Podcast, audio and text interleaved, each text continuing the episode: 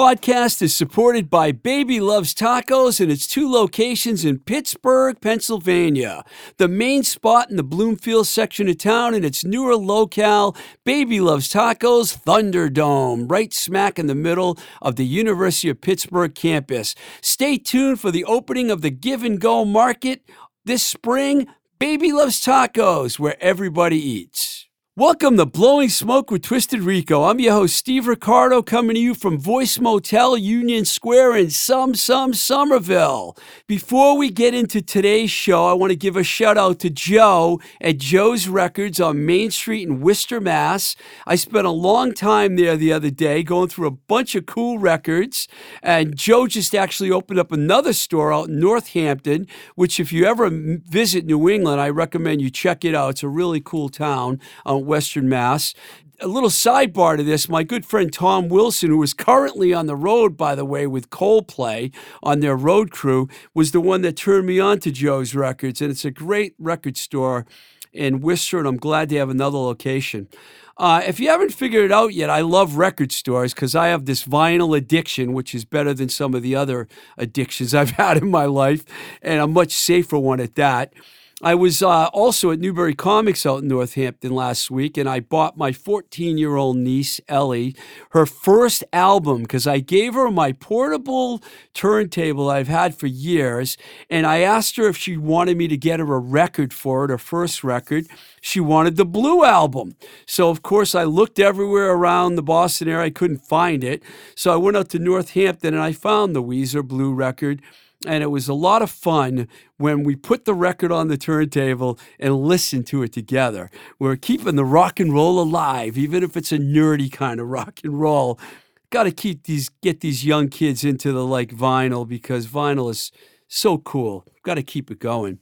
So, as you probably know already, the Boston music scene is rich in great musicians, and drummers are no exception. This week, we're talking to a guy who has an incredible reputation as a top notch drummer in these parts, Mike Peel.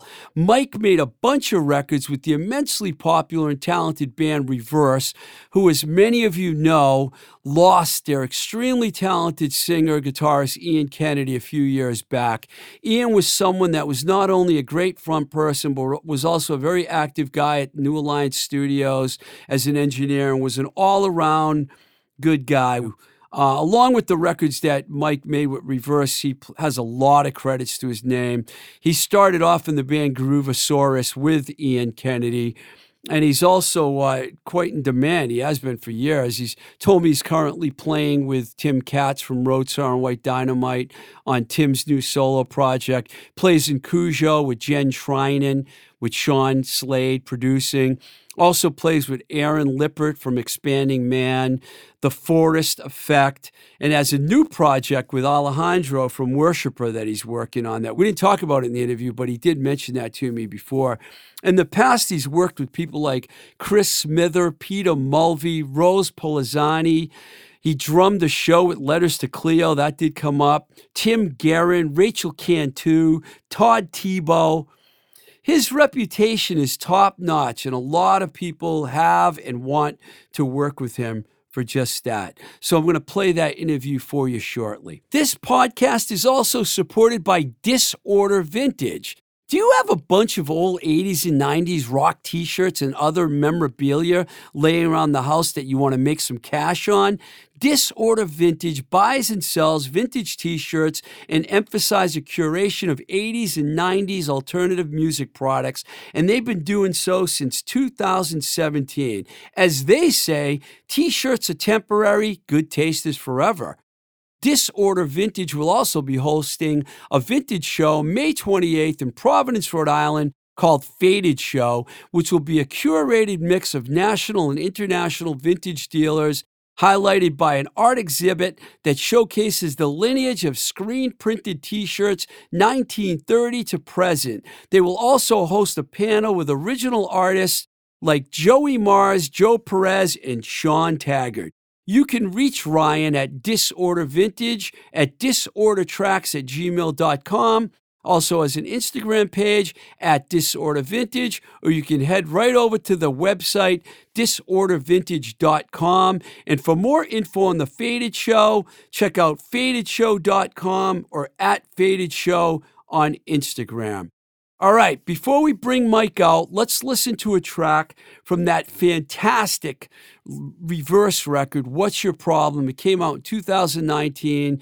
It's one of the best albums to emerge from the Boston music scene in years. Just a fantastic record, which I personally have listened to over and over again. We're going to play the track for you. That's the opening track on the record. This one's called Yeah, Yeah, Yeah, and then you'll hear me talking with Mike Peel.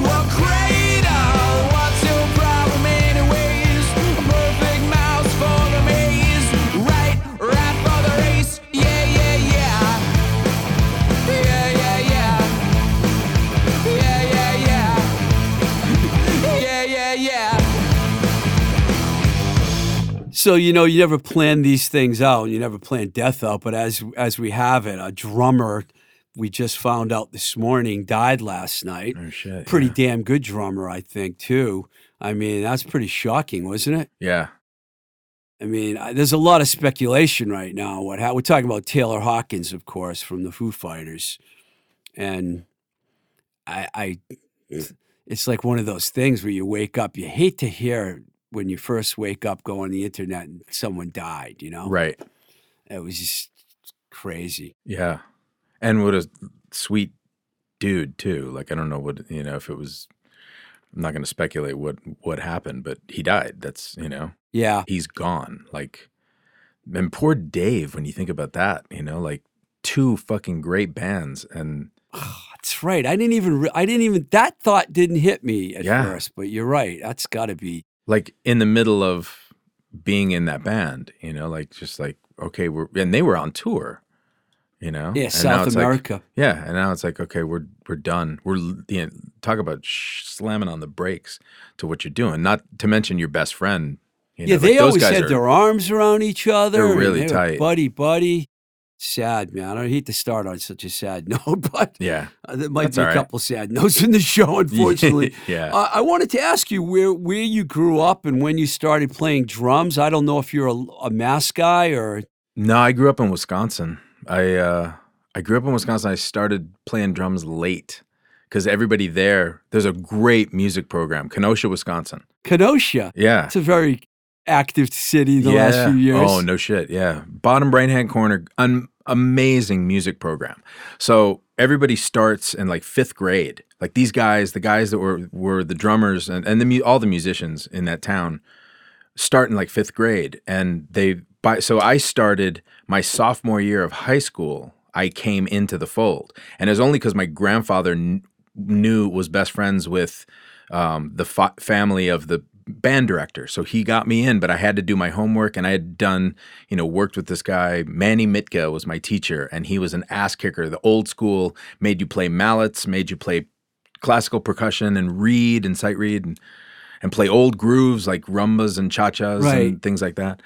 And, uh, and I got my ass kicked and the guys, all the other drummers like held me up. Like they would like, this is this means this is a fermata. This means you hold that. You know, they they helped me as much as my teachers. And I worked my ass off. I practiced all the time and then left. I, I went one year after high school to the University of Wisconsin and played in a big band there under this guy Tim Bell, who was amazing. That and was that Madison? no, uh, Kenosha and Racine is goes con- from the bottom right hand corner of the state. Kenosha, Racine, Milwaukee. Um, there's UW Milwaukee, UW, you know, all these, you know, Madison, and then there's one called Parkside that's right in Right. between Kenosha and Racine. And Tim Bell was like the first chair alto player at the on the one o'clock band in North Texas for years, and he had all these North Texas charts. And I learned so much in that one year of just like literally getting my ass handed to me. Like he was just like, "Man, you're a big guy. You play," and I would play in my basement, so I never played hard and loud. I never had to power a huge big band before, so I was playing really light. And he's the one who was like, "You need to, you need to actually have some volume in your playing." Not to mention kick this band and own it, and like everything about being, uh, having com- conviction in your playing Mm-hmm. which is so much more important to me my entire playing life in in who I like and who I like playing with um as well as drummers that I like like if they play with conviction they can you can play quiet and still play like have that energy there has to be something there for me otherwise I'm just not interested I got a whole drummer segment saved for the end of the show. We're going to talk about that. When you mentioned Milwaukee, the first thing that popped in my head, I used to tour a lot with bands and mainstream records. I don't know if you remember that Mhm. record chain. yeah I got to know a lot of guys that worked at that chain because I'd be on the road with bands when I worked for A&M and we go visit all the record stores. And I loved uh, Milwaukee and Madison. I loved going to those places. yeah It was it's it's it was like people you know people drank a lot of beer there. I remember that Oh, obviously. But uh, the music scene was great in Mhm. Wisconsin. there's a lot of great musicians even now and, and i mean still you know it's a great music program but there's guys there that you know the music store that i used to teach at there in high school like you know there's guys that are that are there that are you know world class drummers that you know still maybe work in a factory Did you get into bands early on when you were in Wisconsin? little bit i was in a rush cover band in high school Wow, you had to Just- do Neil Peart, huh? yeah, it was just like, it, and I had the full kit. I had like the three rack toms, two bass drums. I had somebody's roto toms, and um, yeah, we and those guys were totally into it. They were they were and they were great. Um, and the kid with the guitar player in that band is now like a chef. I think he was out here for a while and and on the East Coast, and yeah, he's an amazing cook. But he was a great guitar player. How long did the Rush cover band last for? It- we never we just played in the basement. I think we did like two gigs in a church. You know, it was like the only gigs, and that was a pain in the ass because we had to carry this fucking huge drum kit, you know, to the gig. Um, yeah. So like so and and and yeah, it was it was going to Berklee that taught me like you know you need to pare this shit down. Like you're not going to carry this stuff around. you just answered my next question. So you moved here to go to Berklee. I did. Yeah. Yeah.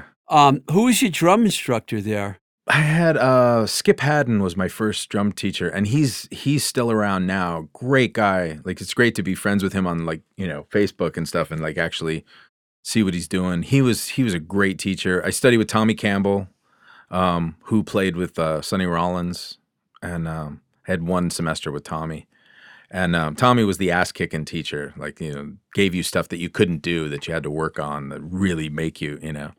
All these, most of the other teachers I I had and really liked were were esoteric. It was like play blue, you know, or like things like that, Yeah. and really like try to get you to get inside yourself, which was cool. Alan Kraut, who was on the show last week, told me he met both Mike Mangini and uh, Mike Portnoy, both the drummers Oh, from yeah. Dream Theater. He met them both at Berklee. Oh, yeah. which I thought was interesting. They're like very technical. Do you like the guys that are that technical? That's not my thing, but I I appreciate it. You know, like uh, I'm uh, I went to Berklee with a guy named Todd Zuckerman, who's great drummer now. He's like this fantastic like clinic drummer, and I usually don't like. Not that I don't like, but they clinic drummers are usually they just overplay like crazy. Todd could sit down at a two piece kit and blow your mind and just not play a fill. You know, like he's he's thoughtful and he's one of my favorite drummers that's become that. He's, he plays melodies when he plays drum Right. solos and stuff like that.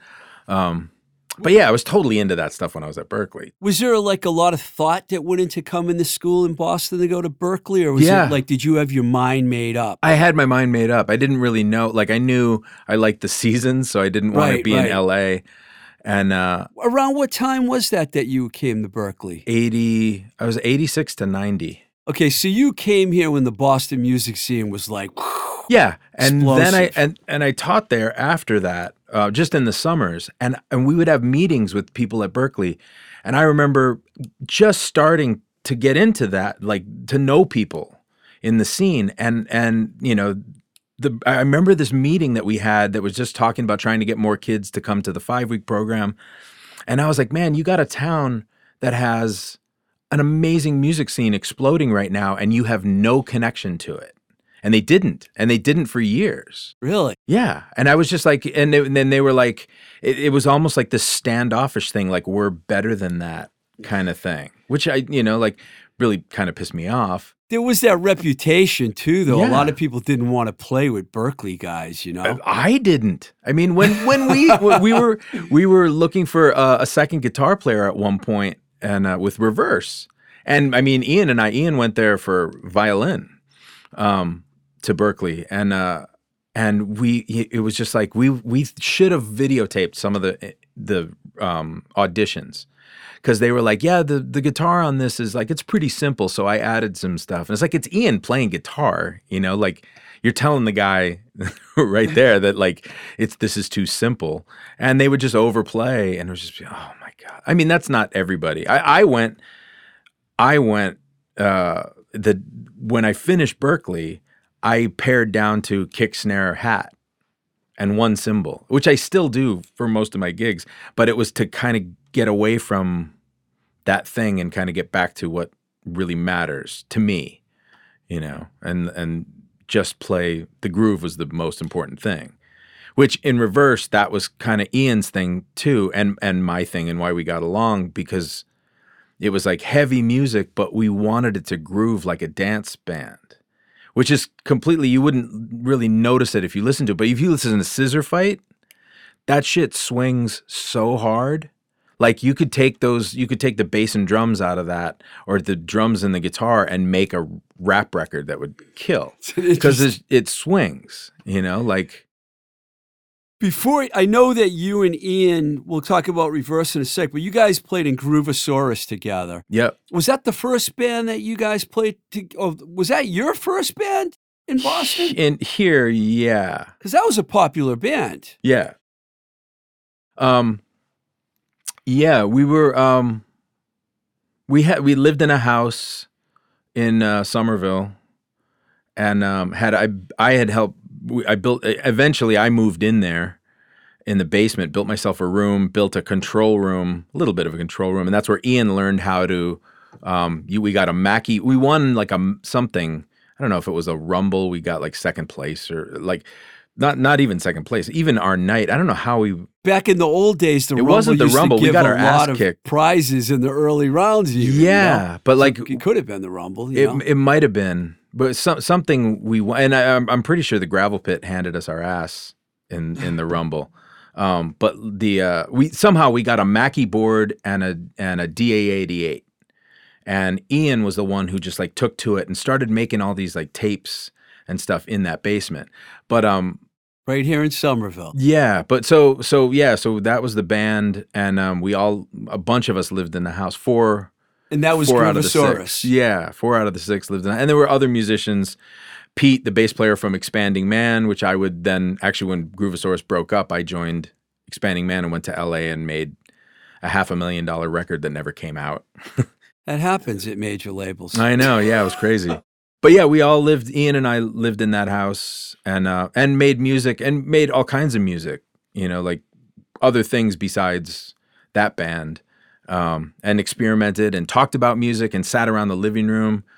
We would do this thing where Ian would have an acoustic guitar and he would go he, he would go name name that tune in one note and you could watch him and and you could see the tempo of the song because he would he would like lift his finger up and pluck the string so you'd know the tempo you'd hear the way he, the inflection and he and i were, were it was like beatles songs or something like that and you could name the tune literally you could name it immediately i like i we, when we were all doing it a bunch of us Wow. Now, Groovosaurus, you guys play mostly New England, or did you hit the road at all? Or No, that that was kind of a thing. Was um, we you know we would go to New York and we had some connections and and things like that. Um, but uh, I don't think the whole the band as a whole wanted to tour. Most of us did, um, and and get get out and um, and you know and actually actually tour like uh, Pete the bass player Pete Armada from Expanding Man was they were just their first record was out and they were actually going on tour opening for Stone Temple Pilots. And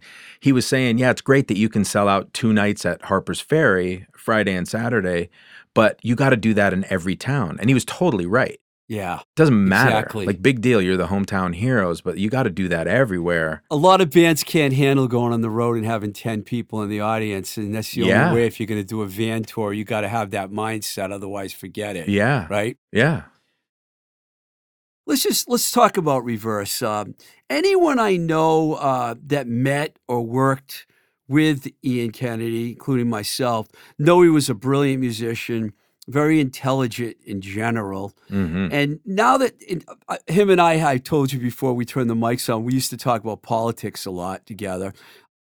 Now that some time has passed since he has passed away, and you can reflect on his life, what kind of an impact has, did his life have on you now that you can look back at it after a few years? On me, wow, that's a great question. Um, uh, and and I've been reflecting since day one. Like I was when it happened, I was kind of the liaison, you know, to like uh, calling everybody, and it was and it wasn't like something like people were like, "Are you okay?" And I was like, "Yeah, I'm. I'm actually. It's actually helping me therapeutically to call people."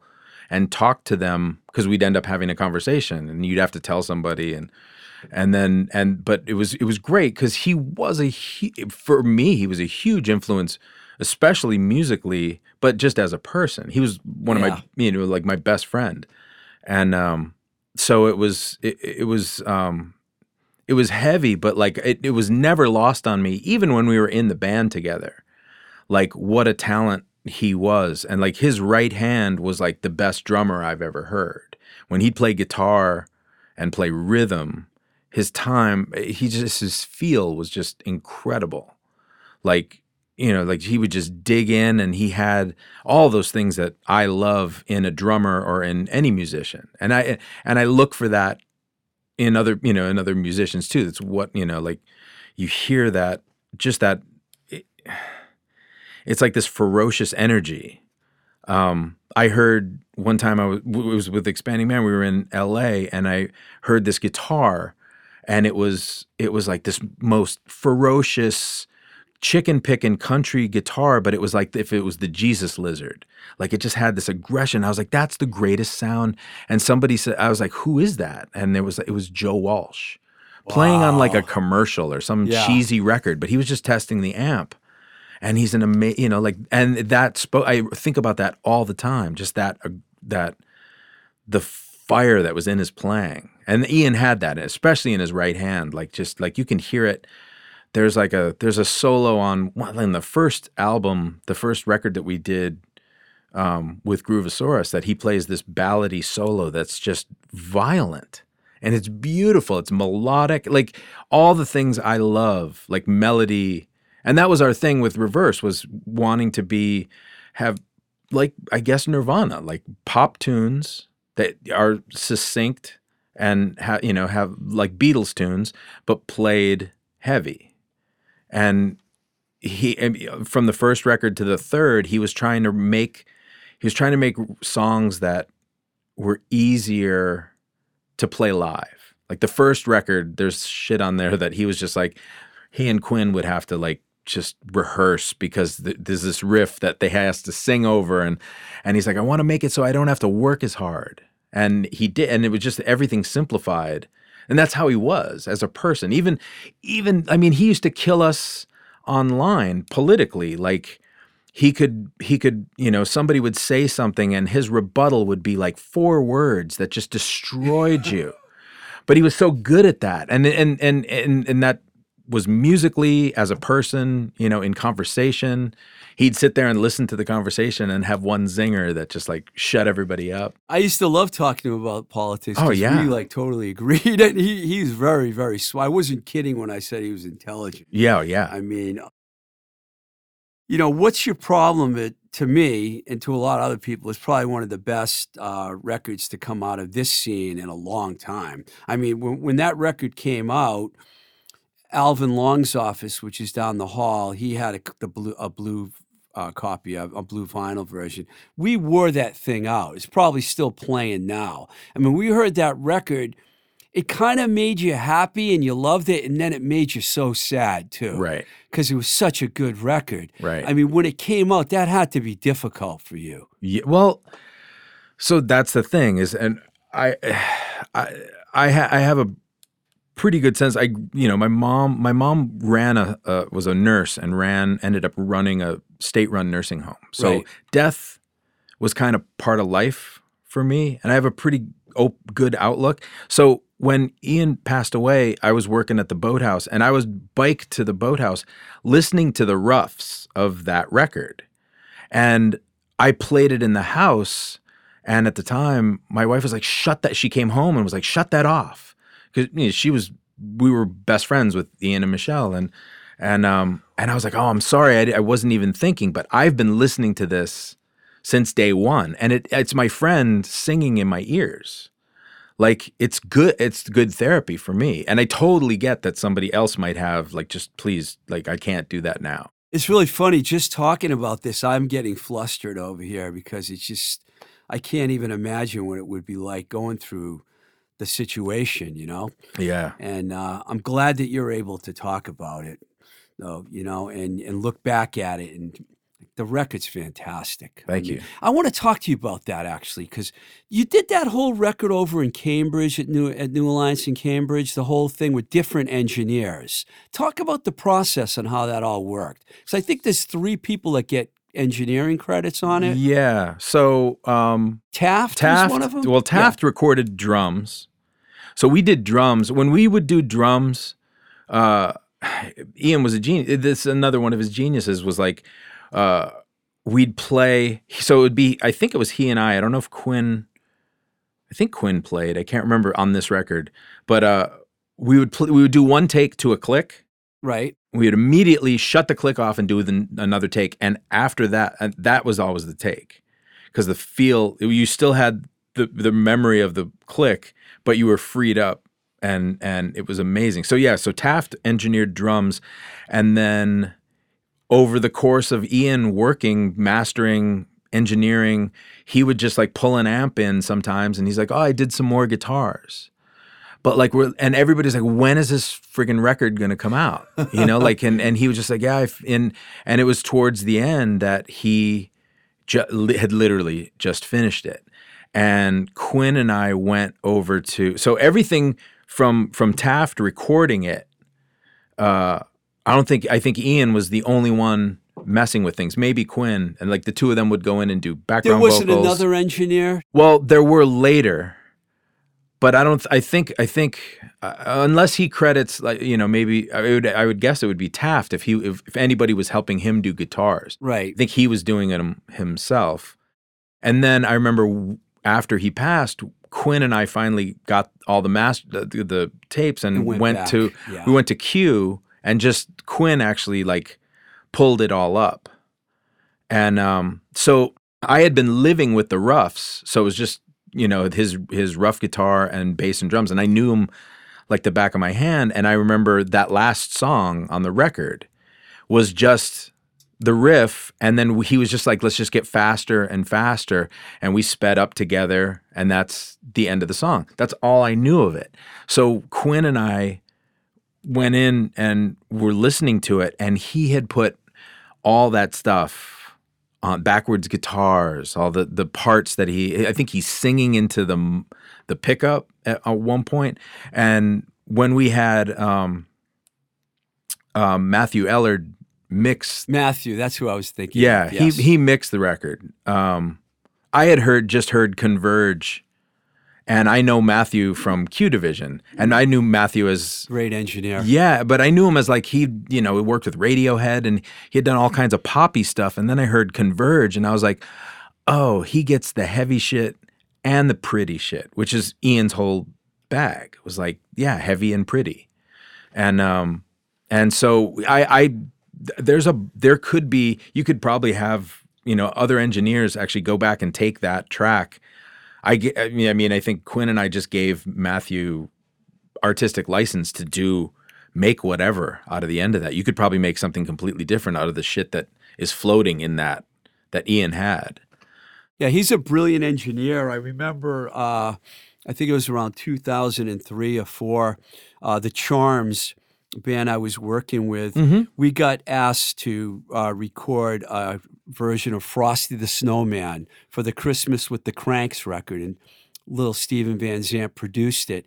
Matthew engineered, and it was like we want this to sound like the Ronettes. And it was like he was a great engineer Yeah. to work with. I mean, Yeah. I loved working with him.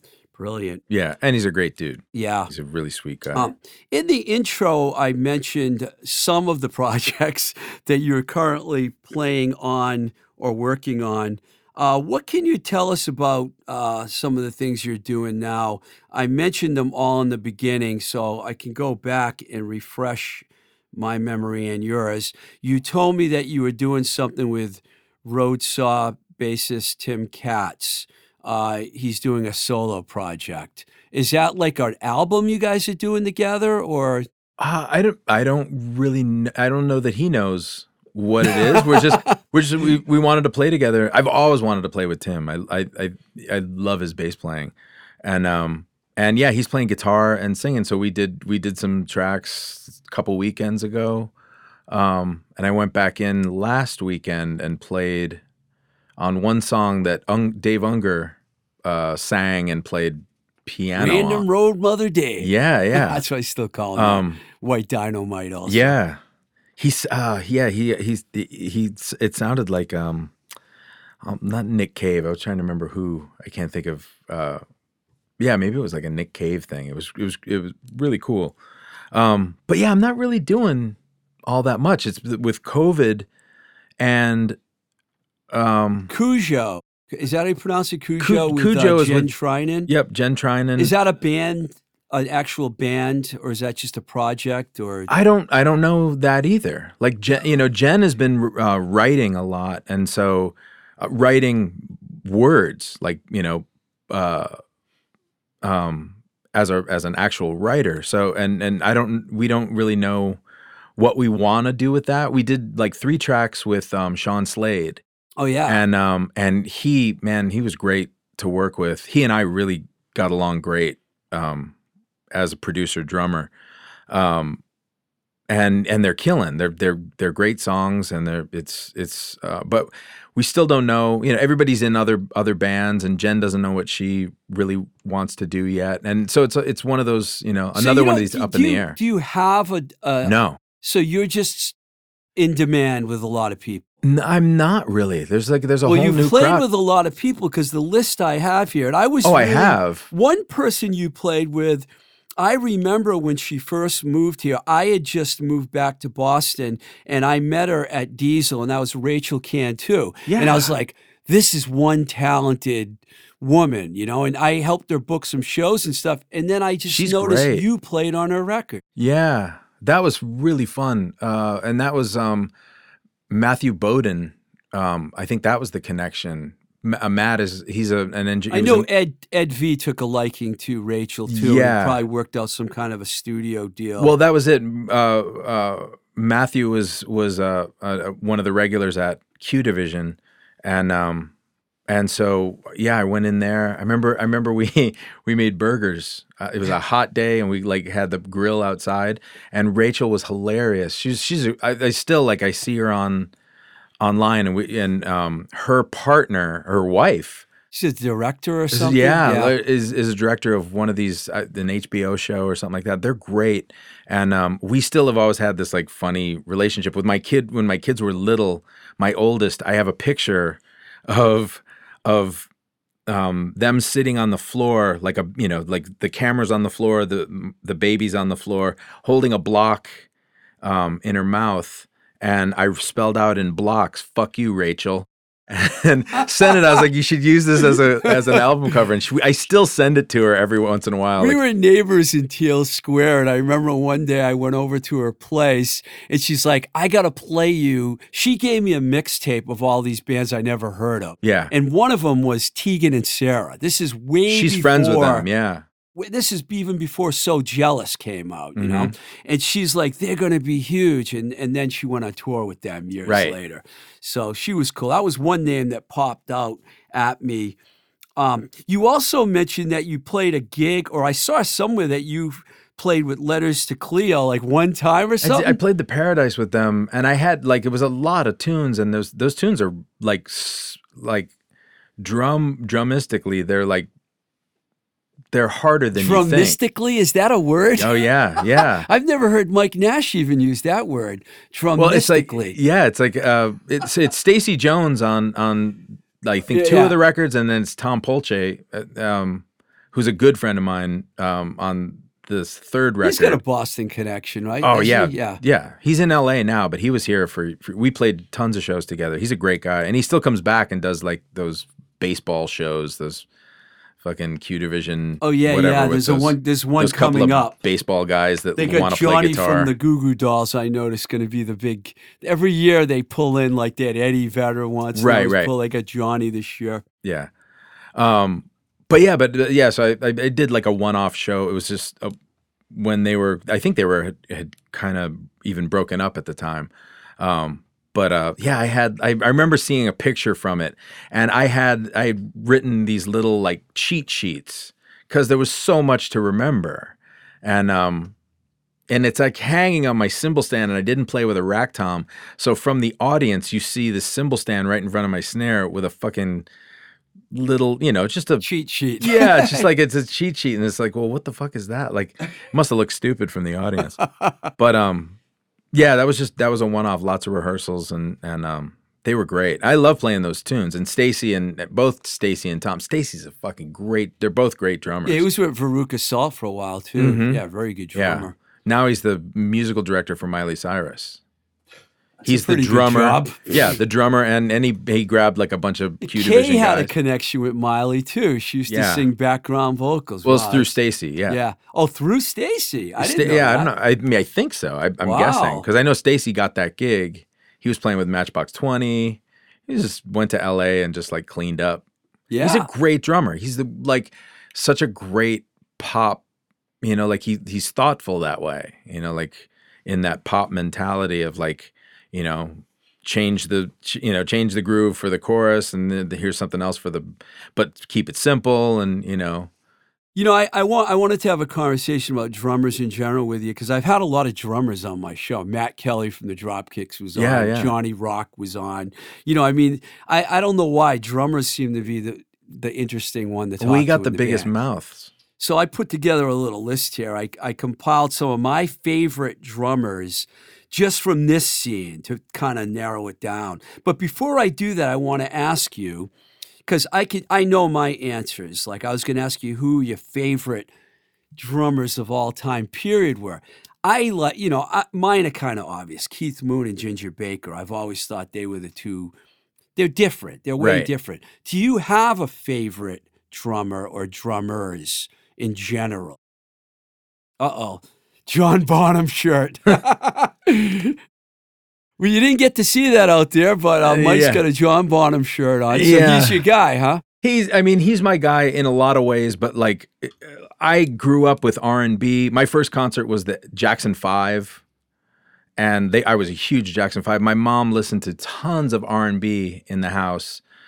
Gladys Knight and the Pips and the thing that I always loved about Bonham, obviously I fell in love with Zeppelin for all the reasons everybody does and Bonham for all the reasons everybody does. But he grooves like and and there's a there's a groove like an R&B groove that's missing from so many drummers. That's what everybody talks about Dave Grohl and yeah, he hits really hard and he plays great and it's like Dave Grohl actually grooves. He's one of the few like I can I can pick him out of any drummer in the the 90s like you can hear it and just go, "Oh, that shit swings." Same thing with Kevin Shurtleff from Scissorfight like Oh, we yeah, said yeah. like you know, all the, the guys that swing that have some they don't even need to have a background in the music. They just some people just have it. You know, like and some people don't. And if it's you know, like like I would think there's a there's a thing about I used to think Stewart Copeland was like kind of really white. We Ian and I used to have this argument, like not an argument, but we would white was a was a an adjective, and like like we'd be playing something and he'd go play it like less white, and and like I remember having arguments about like is that racist or not, but like but it's it's it's a I get it, you know, like and and now I I listen to Stewart Copeland, I was like I can hear the skank on it, like there's some you know there's it it really moves and you know I imagine you must like Roger Taylor from Queen too. Oh, God, he has that groove thing you're Yeah. talking about, right? Yeah. I mean, I, I can appreciate eh, like Neil Peart, you know, like we were talking earlier, like I, Technical, I, I very had, yeah, very technical and very, in my opinion, very white. Um, but I still, I, I loved it for what it was. It's, Yeah. You know, it's fine. It doesn't all have to, to be that, but that's what I tend to Right. like. I, I, you know, like it's, Well, this is going to be fun because I don't know if you know any of these guys, but I'm a bit, you know, I even though I lived in LA and New York for a long, long time, I'm originally from here, so I've been following the Boston scene forever. And I compiled some guys that I think of my favorites over the years. Walter Gustafson, who played in yeah. the Outlets and Gang Green. Jim Janota, who was just here last week, Upper Crust Bags, Justine. Do you know Sean McLaughlin? Do you remember him? yes. Yeah, I don't he know him, but I know who he is. he passed away Yeah. like years. He was an unbelievable drummer. And then I wrote a couple other guys down here. Jason Meeker. I know Jay, I know Meeker really well. Like, there's been a We lot of to- good drummers in Boston. Reverse used to play with um, Uh, Miss Pigeon. Miss Pigeon. Miss Pigeon. Yeah. And, you know, I put Johnny Rock and Mike Nash on my list, you know, because Nash is, you know, the bird language thing that they Oh, hell did is yeah. really good. And the one, the last guy I put on this list, he's not flashy, but I love him. Pete Caldes. There's just something about the way he plays. Pete. uh, So Pete and I are, are good friends, and, and in fact, in fact, the last time I saw Pete was in the lobby of Q Division, and we sat on the couch. He was he was really he told me he was really wrecked by hearing about Ian, and we had this like two hour conversation just hanging out at Q. Um, about life. And Pete's one of my favorite drummers. I loved the Gravel Pit. I remember being in Groovosaurus and playing a show with the Gravel Pit, and I was like, I want to be more rock than more what I thought we were. You know, like it was just my own hang up. Um, and I I really love their band, I lo- I- and I love Pete's playing on everything that he's done. He never seems to like overplay. He just seems no, to we used be, to call like- him the Pete Thomas of of Boston. You know, he's like he's Yeah. got that kind of Ringo-ish too, right? Yep. Yeah. Yeah, and and um, yeah, we used to share a rehearsal space in Charlestown. Um, it was Expanding Man on one side and the Gravel Pit on the other, and Señor Happy, which Tom Polce, Señor Happy. um, was the drummer them. for- Yeah. um, was in. Yeah, Pete's Pete's a great drummer. What a great like, and and he would always have that rack tom that was flat, even with the snare, and he was you know tall and skinny, so he could like lean over it, and just the way watching him play, like that's another thing is visually. Some of these guys were like, uh, let's Stacy. Stacy Jones is great to watch play drums. Like he looks, I don't look like a drum. When I see video myself, I cringe. Like you can, you might hear it and think it sounds good, but like I look and I'm just like, I wish I looked cool. You like, feel like know. you're awkward? Yeah, yeah. Like I, like I look at, you know, whatever, Dave Grohl and Taylor. You know, like when those guys play drums, it looks cool. Um, It helps when you have the right bass player too, because Pete Caldes and Ed V. oh yeah, If you listen to the records they did with Juliana Hatfield, Yep. and when they they did a live record with her, it's like flawless. Yeah. They never overplay. They're always right there in the pocket, and it's like, yep. are there any of these other drummers that I mentioned that you know or admire or? Oh yeah, Or and did I Ji- all all of them. I mean, I know all. Of, I know who they all, and I know Jim Janota. Um, love Jim's playing. I especially love the upper upper crust. Always did. What a great concept, but like great song. You might have missed the bags, I think, because they might Bags were before my time, but I know who they are and I've heard them. Yeah, And I know all. I've heard of Walter Gustafson for years, you know, and checked him out, you know, like on YouTube or whatever. But when yeah, he was in the outlets, he was just remarkable. Yeah. Gang Green was more of a hardcore, but the drummer, uh, the outlet songs were like they had good arrangements too. You know, not the gang. Sorry, Chris Story. I don't mean the arrangements aren't good. You know, you know what I mean. Yeah, it's yeah. more complicated. Is there like new bands and stuff that you're listening to that you're getting into, or do you find yourself caught back? Like a lot of people aren't paying attention to a lot of new stuff. Are you paying attention? I'm only paying attention in the five minutes that I drive now to minutes. literally. I- Our, I live in you know right in the middle of Somerville, and and our shop is is five minutes away on off of Broadway, and I go pick up the truck, and then I drive that truck all over the place, and I listen to Spotify, you know, in the truck. But I I listen to ERS, and and when I was working for, I was a carpenter for Silva Brothers for the part of the pandemic, and I would have an uh, uh, 45 minute drive in the morning, and I would listen to ERS until it went away because my antenna was broken. Ninety-one point three, right? But I would Shazam everything. I would just Shazam some new stuff that I thought was cool, like, it was, and it was mostly for melodies and things like that.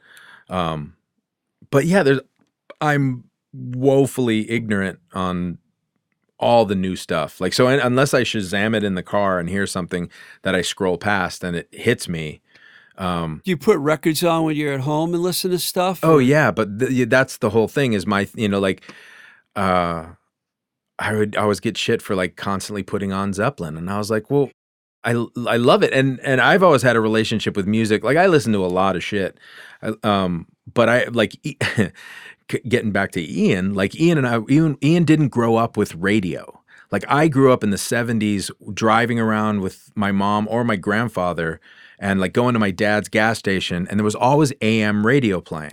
And AM radio was everything. You'd hear Gladys Knight, but you'd hear, you know, um, Afternoon Delight. You know, you'd hear all this cheesy one-hit wonders. Afternoon delight.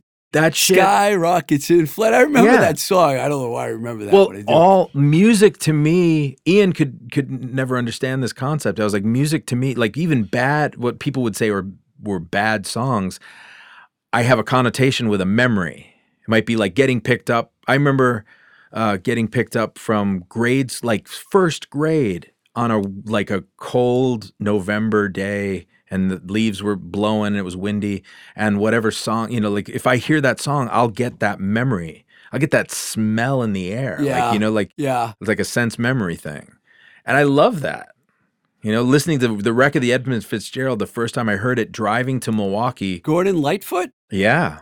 Driving to Milwaukee on the coast, uh, my dad, we were going someplace and he took the coast so we could see Lake Michigan and and hearing that song on the radio and it was a gray November day and it was just haunting and the, you know the story and my dad telling me after the song like the ship going down and you know like listening to the lyrics and I'm looking at Lake Michigan which might as well be superior like you can't see across it. Those memories are It sounds like you have great. You had great parents when it came Yeah. to your music Yeah. upbringing. My dad was my dad had this Chet Atkins record that I still love to this day. Um, but yeah, my mom was the one who had like bought like you know bought the Columbia House eight tracks. Oh, yeah. 13 for a dollar and then you end up Yeah. paying them for the next five years. and right? I mean, you know, they were great records. Yeah. Well, hey, Mike, thanks a lot, man, for coming down. When I saw you out in the uh, hall that one day, I'm like, I got to get that guy on my show. and, you know, the reverse record, the last one, the other two are great too, but the last record, just absolutely brilliant record. Thank We're going to listen to a track from it right now. So thanks for coming down, man. Thank you for having me. Appreciate it.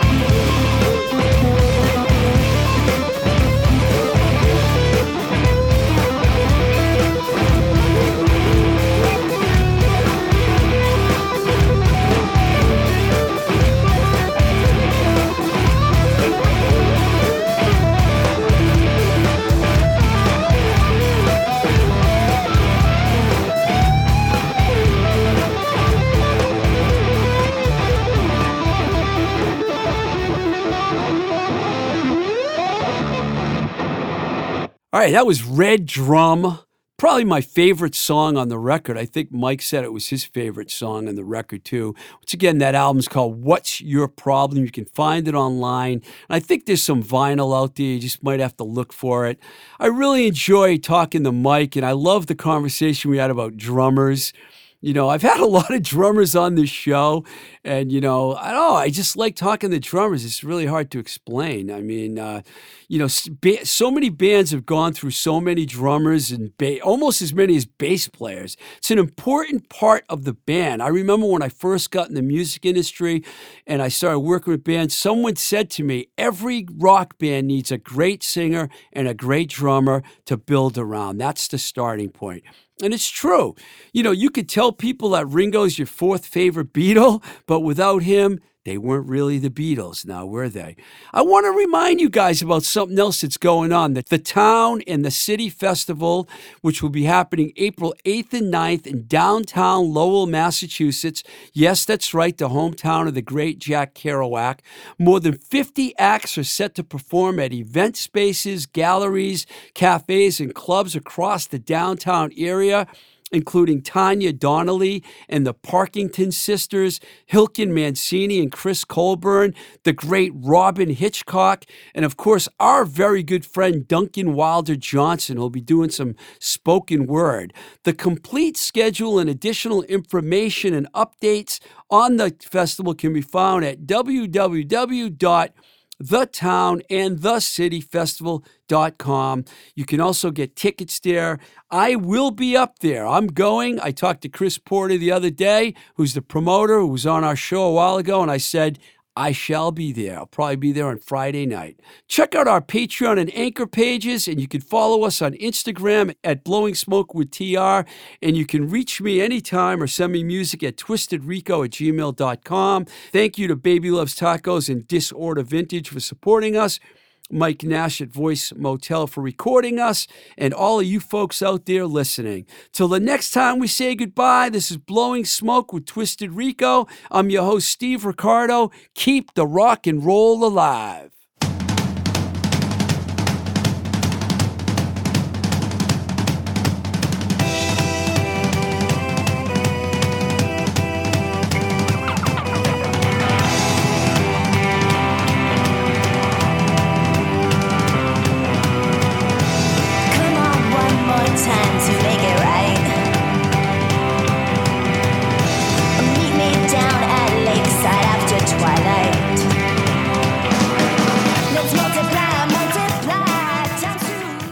Voice is recorded at Voice Motel, voicemotel.com, your complete podcast recording experience, located in Union Square, Somerville, Massachusetts.